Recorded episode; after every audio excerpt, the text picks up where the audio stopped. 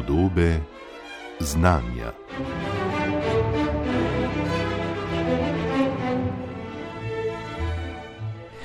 Da nas z vseh strani neprestano nagovarjajo najrazličnejši oglasi, je stalnica potrošniške družbe. Večine niti ne opazimo, drugi nas morda jezijo, tretji nam dejansko pritegnejo pozornost. Številke, ki stojijo za njimi, pa v splošnem potrjujejo, da oglasi nedvomno imajo svoj učinek in da nas torej kar učinkovito spodbujajo k nakupom. To ni presenetljivo, saj se za njimi skrivajo spoznanja z področja človeške psihologije na eni strani in podrobne analize trga na drugi. To njihovo prepričevalno moč pa je mogoče tudi preusmeriti, da bi imela družbeno koristne učinke. Na takšni premisi temelji tako imenovani socialni marketing, ki se mu bomo posvetili v naslednje pol ure. Gostja današnjih podob znanja je dr. Romana Zidar, ki se raziskovalno posveča tako področju socialnega marketinga ter sistema socialnega varstva, kot tudi položaju najbolj ranljivih skupin in posameznikov v družbi, pa tudi diskurzom povezanimi s presežki hrane. Dr. Romana Zidar, lepo pozdravljeni. Dobar dan, hvala za povabilo. Marketing je preverjeno kar učinkovit, kaj ne? a tudi tu v praksi pravzaprav vsi prijemi niso vedno enako učinkoviti. Kako učinkovito pa je potem presajanje teh metod uh, v drugačen, k torej dobrobiti širše družbe usmerjen kontekst? Ja, dobro vprašanje. Jaz mislim, da najprej za začetek je dobro pojasniti to razliko med socialnim marketingom, pa način, kar poznamo v angliškem jeziku pod social media marketingom, torej marketingom družbenih omrežij. Tle se mi zdi, da se doskrat uh, stvari mal pomešajo. Socialni marketing ni seveda enako marketing družbenih omrežij. Družbeno omrežje, kot recimo Facebook, Instagram, Twitter ali pa tudi storitve klepeta, kot je Viber, WhatsApp, Telegram, so orodja, ki jih v socialnem marketingu uporabljamo, ampak sodijo nekako v nabor teh orodij, ki so nam na razpolago in jih uporabljamo, ko je primerno in ko nekako ocenimo ali pa vidimo, da bo imelo nek učinek na ciljno skupino. Zdaj, mogoče, kaj socialni marketing je. Najprej ni, niti ni neka teorija sama po sebi. Uh, moje razumevanje socialnega marketinga je, da gre bolj za nek uh, miselni okvir. Torej, način razmišljanja, način, način kako pristopimo k reševanju kompleksnih družbenih problemov. Uh, Ehm, namreč socialni marketing želi prenesti spoznanja iz marketinga in pa sorodnih ved, ehm, naj bo to antropologija, vedenska ekonomija, psihologija je tudi pomembno prispevala k razvoju socialnega marketinga, sociologija, ehm, potem komunikologija, etnografija in še mnoge druge vede. Marketing, predvsem socialni marketing, si iz teh ved nekako sposoja stvari in jih poskuša implementirati na področje socialnega marketinga temeljni cilj socialnega marketinga je nekako vplivanje na vedenje ljudi, torej doseči neko družbeno spremembo, torej spremembo vedenja, ki bo koristila bodi si posamezniku, bodi si neki skupini ljudi, ki doživlja diskriminacijo, izključenost, bodi si celotni družbi. Ne. Torej gre za neko, eh, neko intervencijo, ki jo nekako eh, skušamo upeljati v relaciji do nekega družbenega problema in spremljati njene učinke. Ne. Tako nekako na, na hitro. No? Če dobro pomislimo, bomo verjetno hitro ugotovili, da pravzaprav uh, so te, te prijemi, socialni marketing že kar navzoč okoli nas.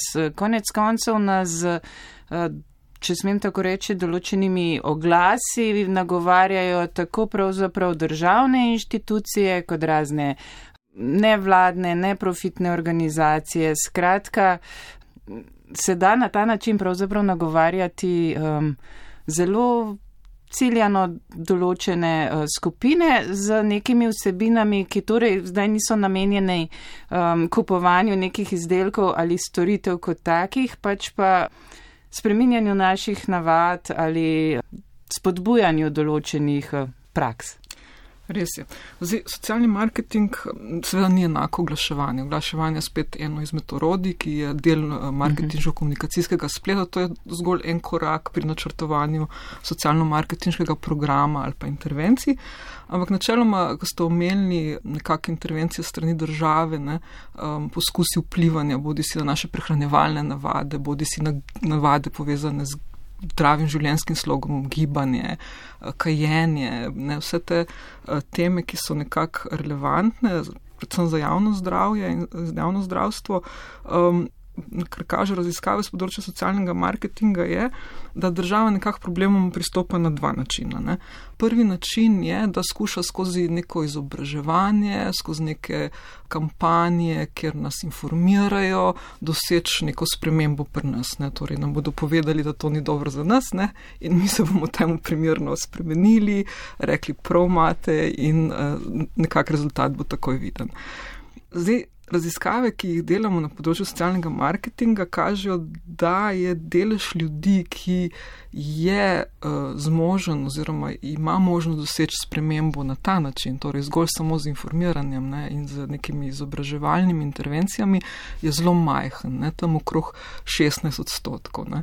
Torej govorimo o ljudeh, ki mogoče rabijo zgolj neko informacijo o tem, recimo, ne, uh, zdaj se mi zdi, ko smo si delali od doma, ne, pa nam ostajajo kartuše. Ne, torej, kam, kam recimo s temi kartušami? Ne? To je neko vedenje, ki je družbeno zaželeno, nočemo jih vrč v smeti, rabimo v bistvu samo informacijo, kam jih odnesti. Ne?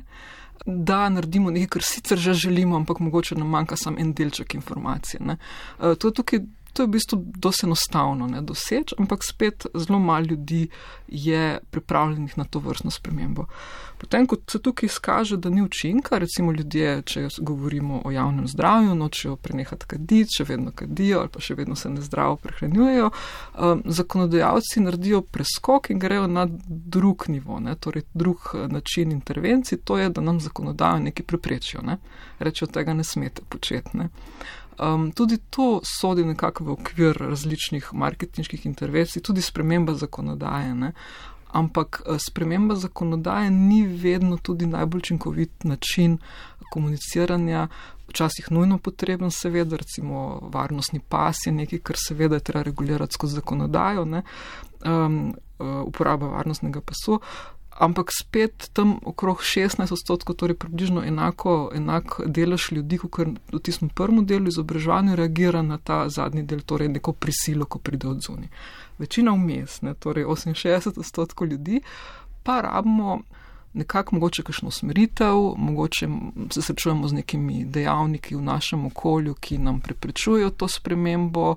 Um, recimo, želeli bi se več gibati, ampak v naši bližini ni nobene telovadnice, uh, mogoče živimo malo v daljenem kraju, pa nimamo avtomobila. Torej, to so neki dejavniki, ki vplivajo na našo zmožnost, da naredimo neko spremembo, ki si jo mogoče tudi želimo. Ne? Um, tukaj v teh 68 odstotkov poseže socialni marketing, marketing, ki ima neka orode in načine, kako v bistvu nagovoriti teh 68 odstotkov. Ne.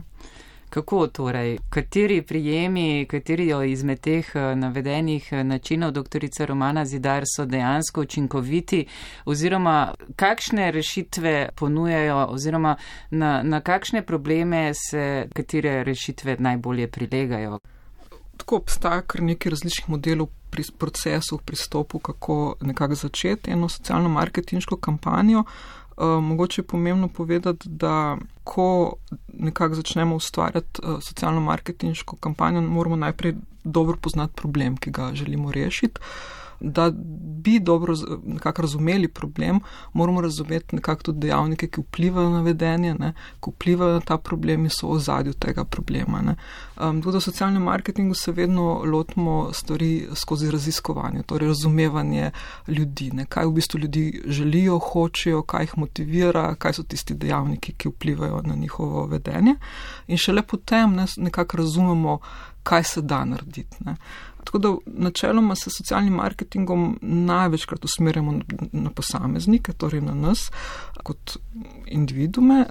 Ampak hkrati obstaja še drug nivo socialnega marketinga, ki se usmerja k nekakšnim vrstniškim strukturam. Eh, v primeru mladih ne vemo, kako pomemben je vpliv vrstnikov na odločitve, ki jih spremajo mladi. Včasih ima pomemben vpliv družina, včasih ima pomemben vpliv tudi verska skupnost, kateri pripadamo. Torej, to so vse tiste skupine, ki so nekako, eh, ki jim rečemo, da so vrstniške skupine, torej znotraj naše socialne mreže, kateri nekako mi pripadamo.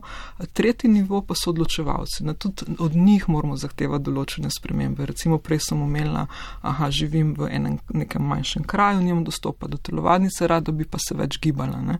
in rada bi to počela v telovadnici. Um, naša naloga je, da potem pogledamo, kaj so odločevalci v tem kraju naredili, da bi omogočili ljudem, da imajo dostop do, do recimo nekega prostora, kjer bilo omogočeno gibanje. Torej, moramo nekako nagovarjati tudi strukture na vzgor, to počnemo največkrat skozi zagovorništvo, bodi si medijsko, politično uh, in druge oblike zagovorništva. Um, zdaj, socialni marketing, namen socialnega marketinga absolutno ni nikoli, da bi uporabili te spoznanja vedenskih teorij in pa teorij marketinga, da manipuliramo z ljudmi. Ne. Neko razumevanje je, da, da je marketing manipulacija. Ne. Um, ni tako, um, na ljudi se ne da tako enostavno vplivati, kar se zdi. No. Uh, največkrat, ker z marketingom, govorim o tradicionalnem marketingu, torej o tržnem marketingu, um, ker nagovarjajo z različnimi intervencijami, um, niso naše potrebe, temveč naše želje. Ne? Tle je nekako tisti prostor, kjer lahko dosežemo neko spremembo. Nismo pa ljudje tako vodljivi, kot se nam mogoče včasih zdi, ne? da nam nekdo nekaj ponudi čez neko glas in potem uh, mi kar reagiramo in kupujemo stvari, ki jih ne rabimo. Ne? Uh, sigurno pa je uspešen, drugače verjetno ne bi imeli tako velik stvari doma, ki jih ne rabimo. Ne? Eh, tudi prenos teh modelov v, v, eh, v marketing, v socialni marketing je možen. A se potem morda tudi v socialnem marketingu izkaže, da je nagovarjanje želje ciljne skupine hm, tisto ključno, ko ste preomenili? Absolutno, absolutno. Uh, tudi, ne, odvisno seveda, kaj nam pokažejo raziskave teh ciljnih skupin, kaj oni hočejo in rabijo. Ne. Mogoče rabijo neko spodbudo, um, ki jo zelo nekako posredujemo zelo neposredno, mogoče pa rabijo nekaj čist drugega. Ne. Tako da v bistvu, kako bomo to naredili, je zelo odvisno od tega, kaj želimo doseči. Vam mogoče dala en primer, no, se mi zdi um, dosti dober recimo v Buffalu, v Združenih državah Amerike, to je primer iz leta 1970, tako da ni najbolj nov, ampak je en tak začetnih primerov, ko so v filharmoničnem orkestru gotovili, da je skozi leta upadal, upadal obisk njihovih nastopov, koncertov. Um, ljudje, ki so hodili na koncerte, so počasi se upokojevali, postali so se starejši, novih poslušalcev, novih obiskovalcev pa ni bilo na vidiku. Um, začeli so se spraševati, kako doseči neka nova občinstva, kako pritegniti ljudi, da začnejo obiskovati njihove koncerte. Um, in nekakšna taka inercija, ki je prisotna, ne, bom rekel, kar večini organizacij neprofitnega tipa, ne, um, je, da problem ni v nas, ne, ampak je problem v ljudeh. Ne. Torej, ljudje so tisti, ki ne razumejo klasične glasbe, ljudje so tisti, ki jih je treba podučiti, ljudje so tisti, ki jih je treba spremeniti. Um, ampak uh, imeli so v bistvu dovolj velik interes, da so prosili za pomoč um, lokalno fakulteto, da izvede raziskavo med ciljnimi skupinami in jih popraša o tem, zakaj ne prihajajo, ne, kaj so tisti dejavniki, ki vplivajo na njihovo odločitev. Rezultati so bili zanimivi, nekako so ljudje poročali o tem, da imajo občutek, da sicer bi radi šli na obisk, eh, obiskati koncert, radi bi poslušali glasbo, ampak imajo občutek, da je to zelo formalen dogodek, da se morajo lepo obleči, da so člani orkestra zelo rigidni, distancirani, da nič ne vejo o življenju skladateljev. Um, zdaj, iz tega, kar so izvedli, iz te raziskave, so skušali nekako oblikovati neko strategijo in rešiti problem. Kako so to naredili. Um, odločili so se, da bodo humanizirali koncertno izkušnjo, ne? torej da bodo približali koncertno izkušnjo ljudem. Uh, najprej so člani orkestra slekli svoje, svoje oblačila, se bolj neformalno oblekli, uh, šli v prostore, javne prostore, eh, na različne dogodke eh, v skupnosti, ker se je zbralo večje število ljudi, tam so naredili kratke intervencije, predstavili, približali glasbo. Mm, potem so se recimo dirigence začel pojavljati na lokalnih televizijskih postajah, eh, pripovedovali zgodbice iz zasebnega življenja skladateljev, na radiju se je pojavljal, tako nekako je skušal tudi popularizirati resno glasbo. Um, potem je v bistvu na koncu rezultat vsega tega, vseh teh intervencij, uh, tudi tega, da so ljudem sporočili, da ne, ni treba priti lepo oblečen na koncert, seveda je to lepo, ampak ni to nujno. Ne.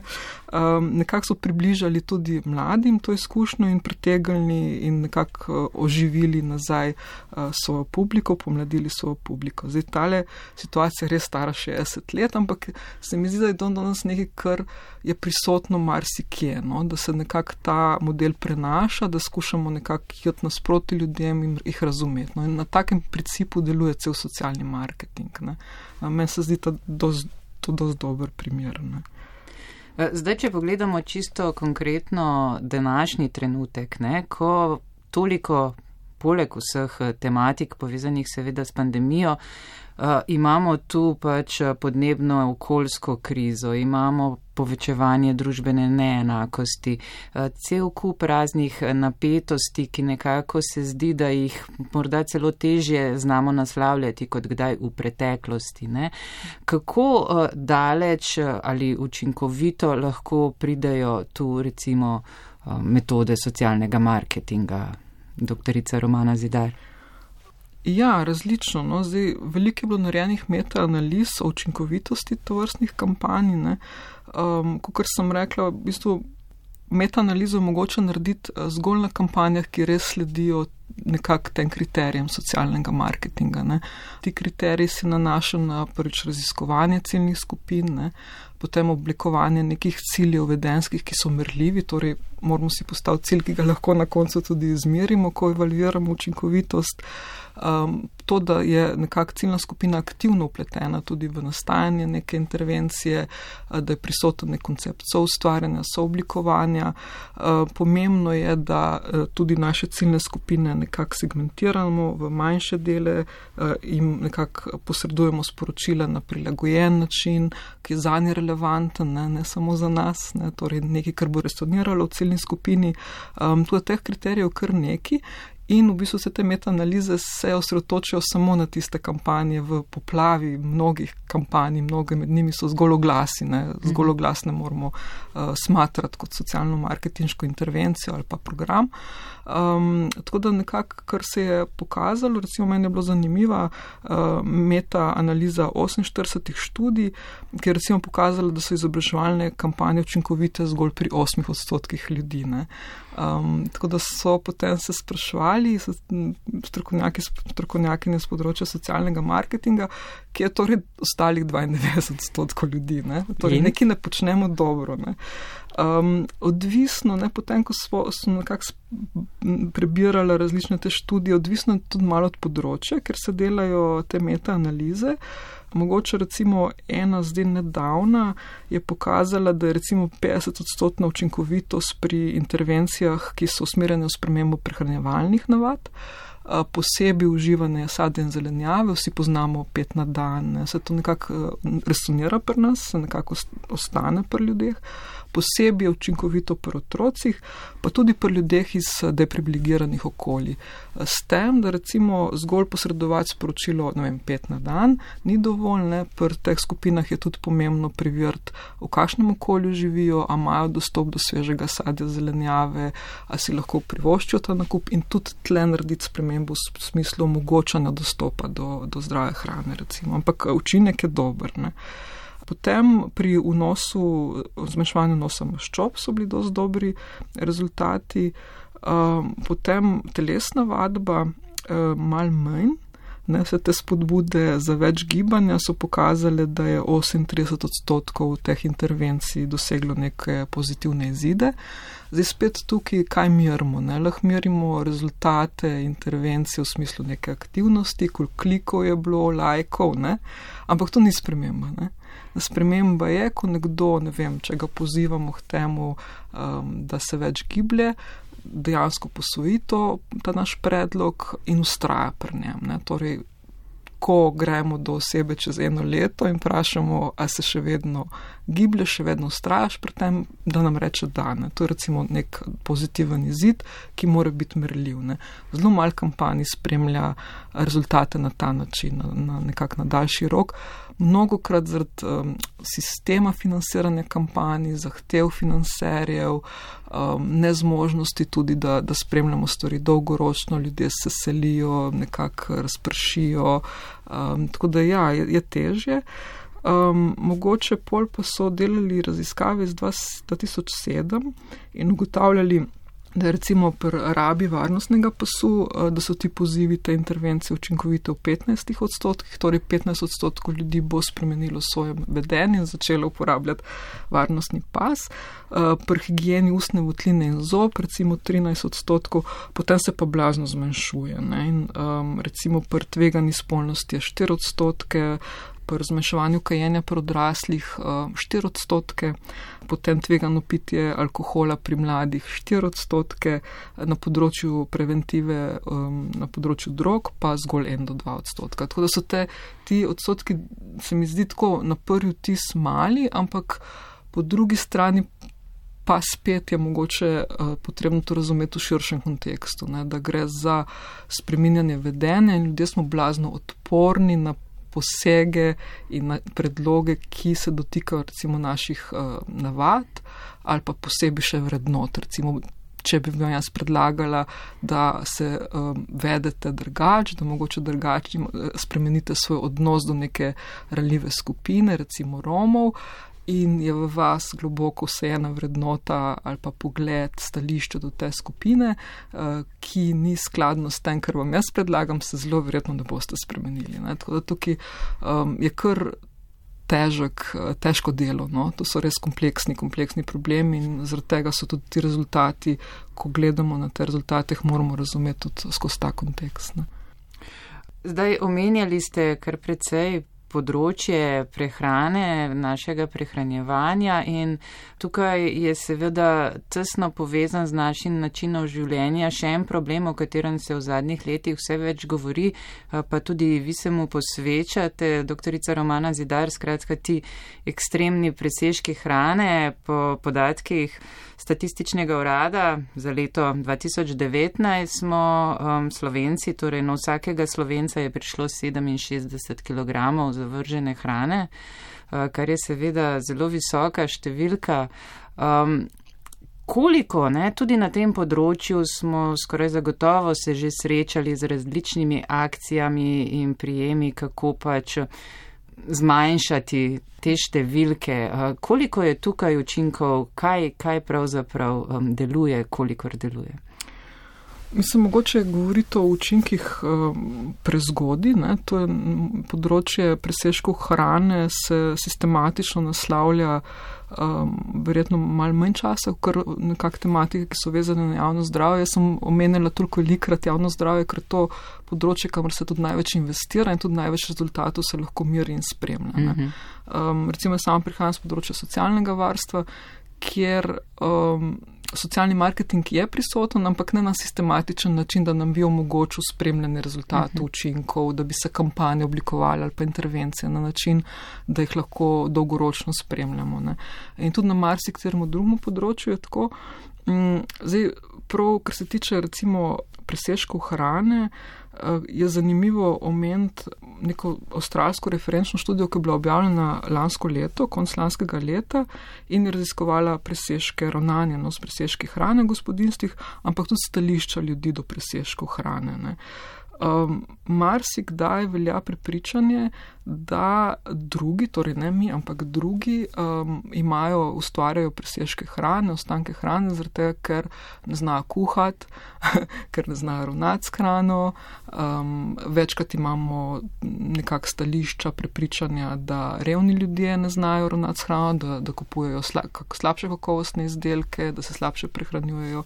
Ampak ta raziskava je dokazala nasprotno.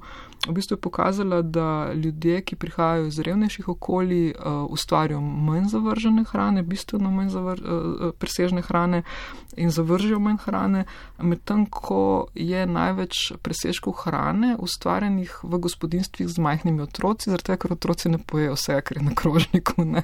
To se tukaj kar veliko ustvari. Ne. Um, zdaj, kako to rešiti um, z boljšim načrtovanjem, ker je pri majčkanih otrocih skoraj nemogoče, nikoli ne veš, koliko bo otrok pojedel. Ne? Lahko predvidevamo, ampak ne vemo. Ampak načeloma, v bistvu, kar so raziskovalci predlagali, je predvsem fokus na načrtovanju nakupa. Ne? In pa potem ravnanju s presežki hrane, recimo, včasih se ljudje bojimo, da se bo stvar pokvarila, ali pa ne vemo, koliko gnilih stoji, ne? recimo, torej nekako ozaveščanje ali pa povečevanje vednosti o tem, kako v bistvu lahko uporabimo presežno hrano, no, na kak način. Zdaj, mi dve z Vesno Leskušek iz Fakultete za socialno delo sva v zvezi s presežki hrane naredili v zadnjih letih dve manjši raziskavi. Um, v bistvu nas je zanimala v bistvu ravno ta, ta neksus med uh, revščino in pa presežki hrane, torej kako uh, ljudje gledamo na presežke hrane, ko se recimo ustvarjajo tudi v trgovinah, pa jih potem trgovine donirajo revnim, ne, uh, skozi različne nevladne organizacije, pa dostavijo, pa tako. In potem na drugi strani, kako ljudje, ki so prijemniki tega, ne, gledajo na vse skupaj. Kar je bilo zanimivo, je, da obstaja v bistvu neko pričakovanje. Um, hvaležnosti strani tistih, ki donirajo, torej donatorjev, na drugi strani pa na strani prejemnikov močno zavedanje, da kar dobijo, ne sodi ravno kategorijo zdrave hrane. Ne. Ponavadi trgovci, kar podarijo, je kruh, slaščice, ne torej hrana, ki ni najbolj zdrava, zelo redko podarjajo sveže sadje, zelenjavo. Ne. Tako da na strani prejemnikov v bistvu ustvarjamo en, en tak. Uh, tako pričakovanje ne, na eni strani, da bodo sprejeli naš dar, hkrati pa obsojamo njihove prehranjevalne navade, torej da so nezdrave. Prispevamo pa zelo aktivno k temu, da, da ostajajo nezdrave ali pa da postanejo nezdrave, ne, torej da tvegajo srčna obolenja zaradi vnosa transmaščop ali pa karkoli. Ne. Potem so se pokvarjale še z vprašanjem samo skrbe. Ne, to je bila tudi ena taka zanimiva raziskava. Posebej naj, naj je zanimalo vrtičkarstvo, ne, kako ljudje v bistvu skrbijo, nekak, kje, kje je ta samo skrba prihaja v spredje. In kar so ugotovili je, da čeprav je na strani države večkrat pripričana, da ljudje, ki se recimo ne morejo privoščiti zdrave hrane ali pa so revni in brezposobni, ergo imajo več časa na razpolago, bi mogli preživeti več časa eh, na vrtu, ne, s tem bi se gibali, bi na svežem zraku poskrbeli bi za svoje zdravje, plus predelali bi še nekaj hrane. Ne. Um, Ker so ugotovili ravno sprotno, ne, da več, eh, več hrane nekako v domači režiji pridelajo ljudje, ko imajo više prihodke um, in imajo vrtičke, tisti, ki so revnejši, pogosto živijo vem, v mestnih središčih ali pa nekje na obrobju, nimajo avtomobila, torej ne morejo niti jed do vrt, vrta. Eh, v spoh urbanih okoljih so vrti doskrat plačljivi, ne? torej nek prispevek se pričakuje. Tako da ni vse tako zelo enostavno. No? To je nekaj, kar, kar sva ugotovili no? v teh dveh raziskavah.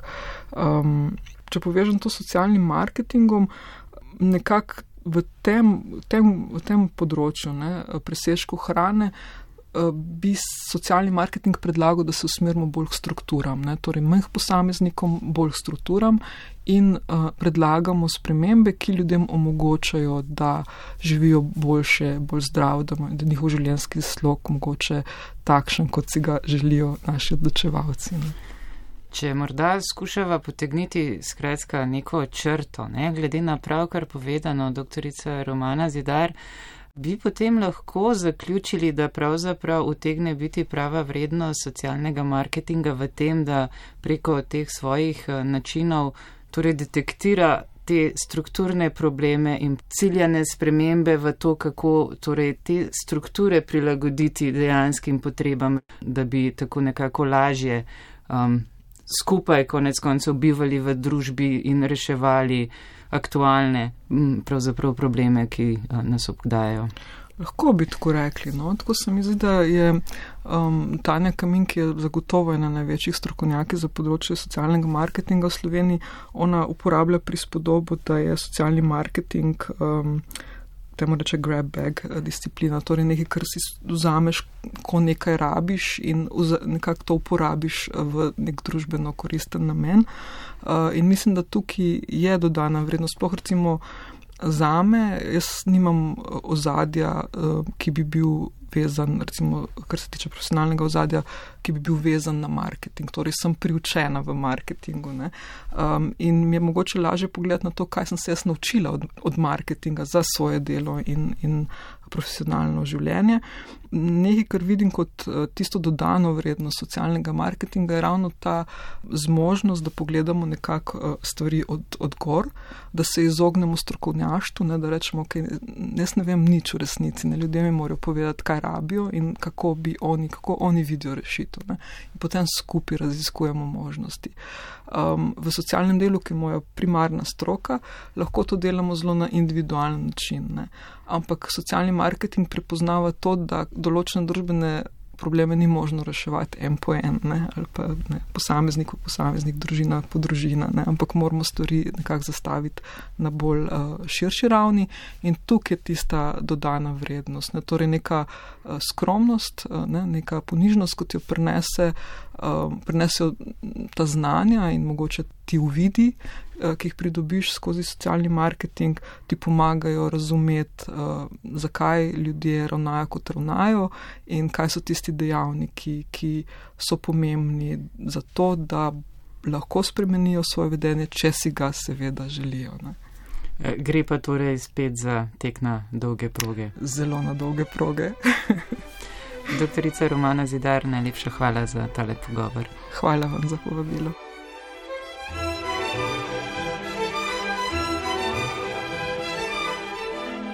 Podobe znanja.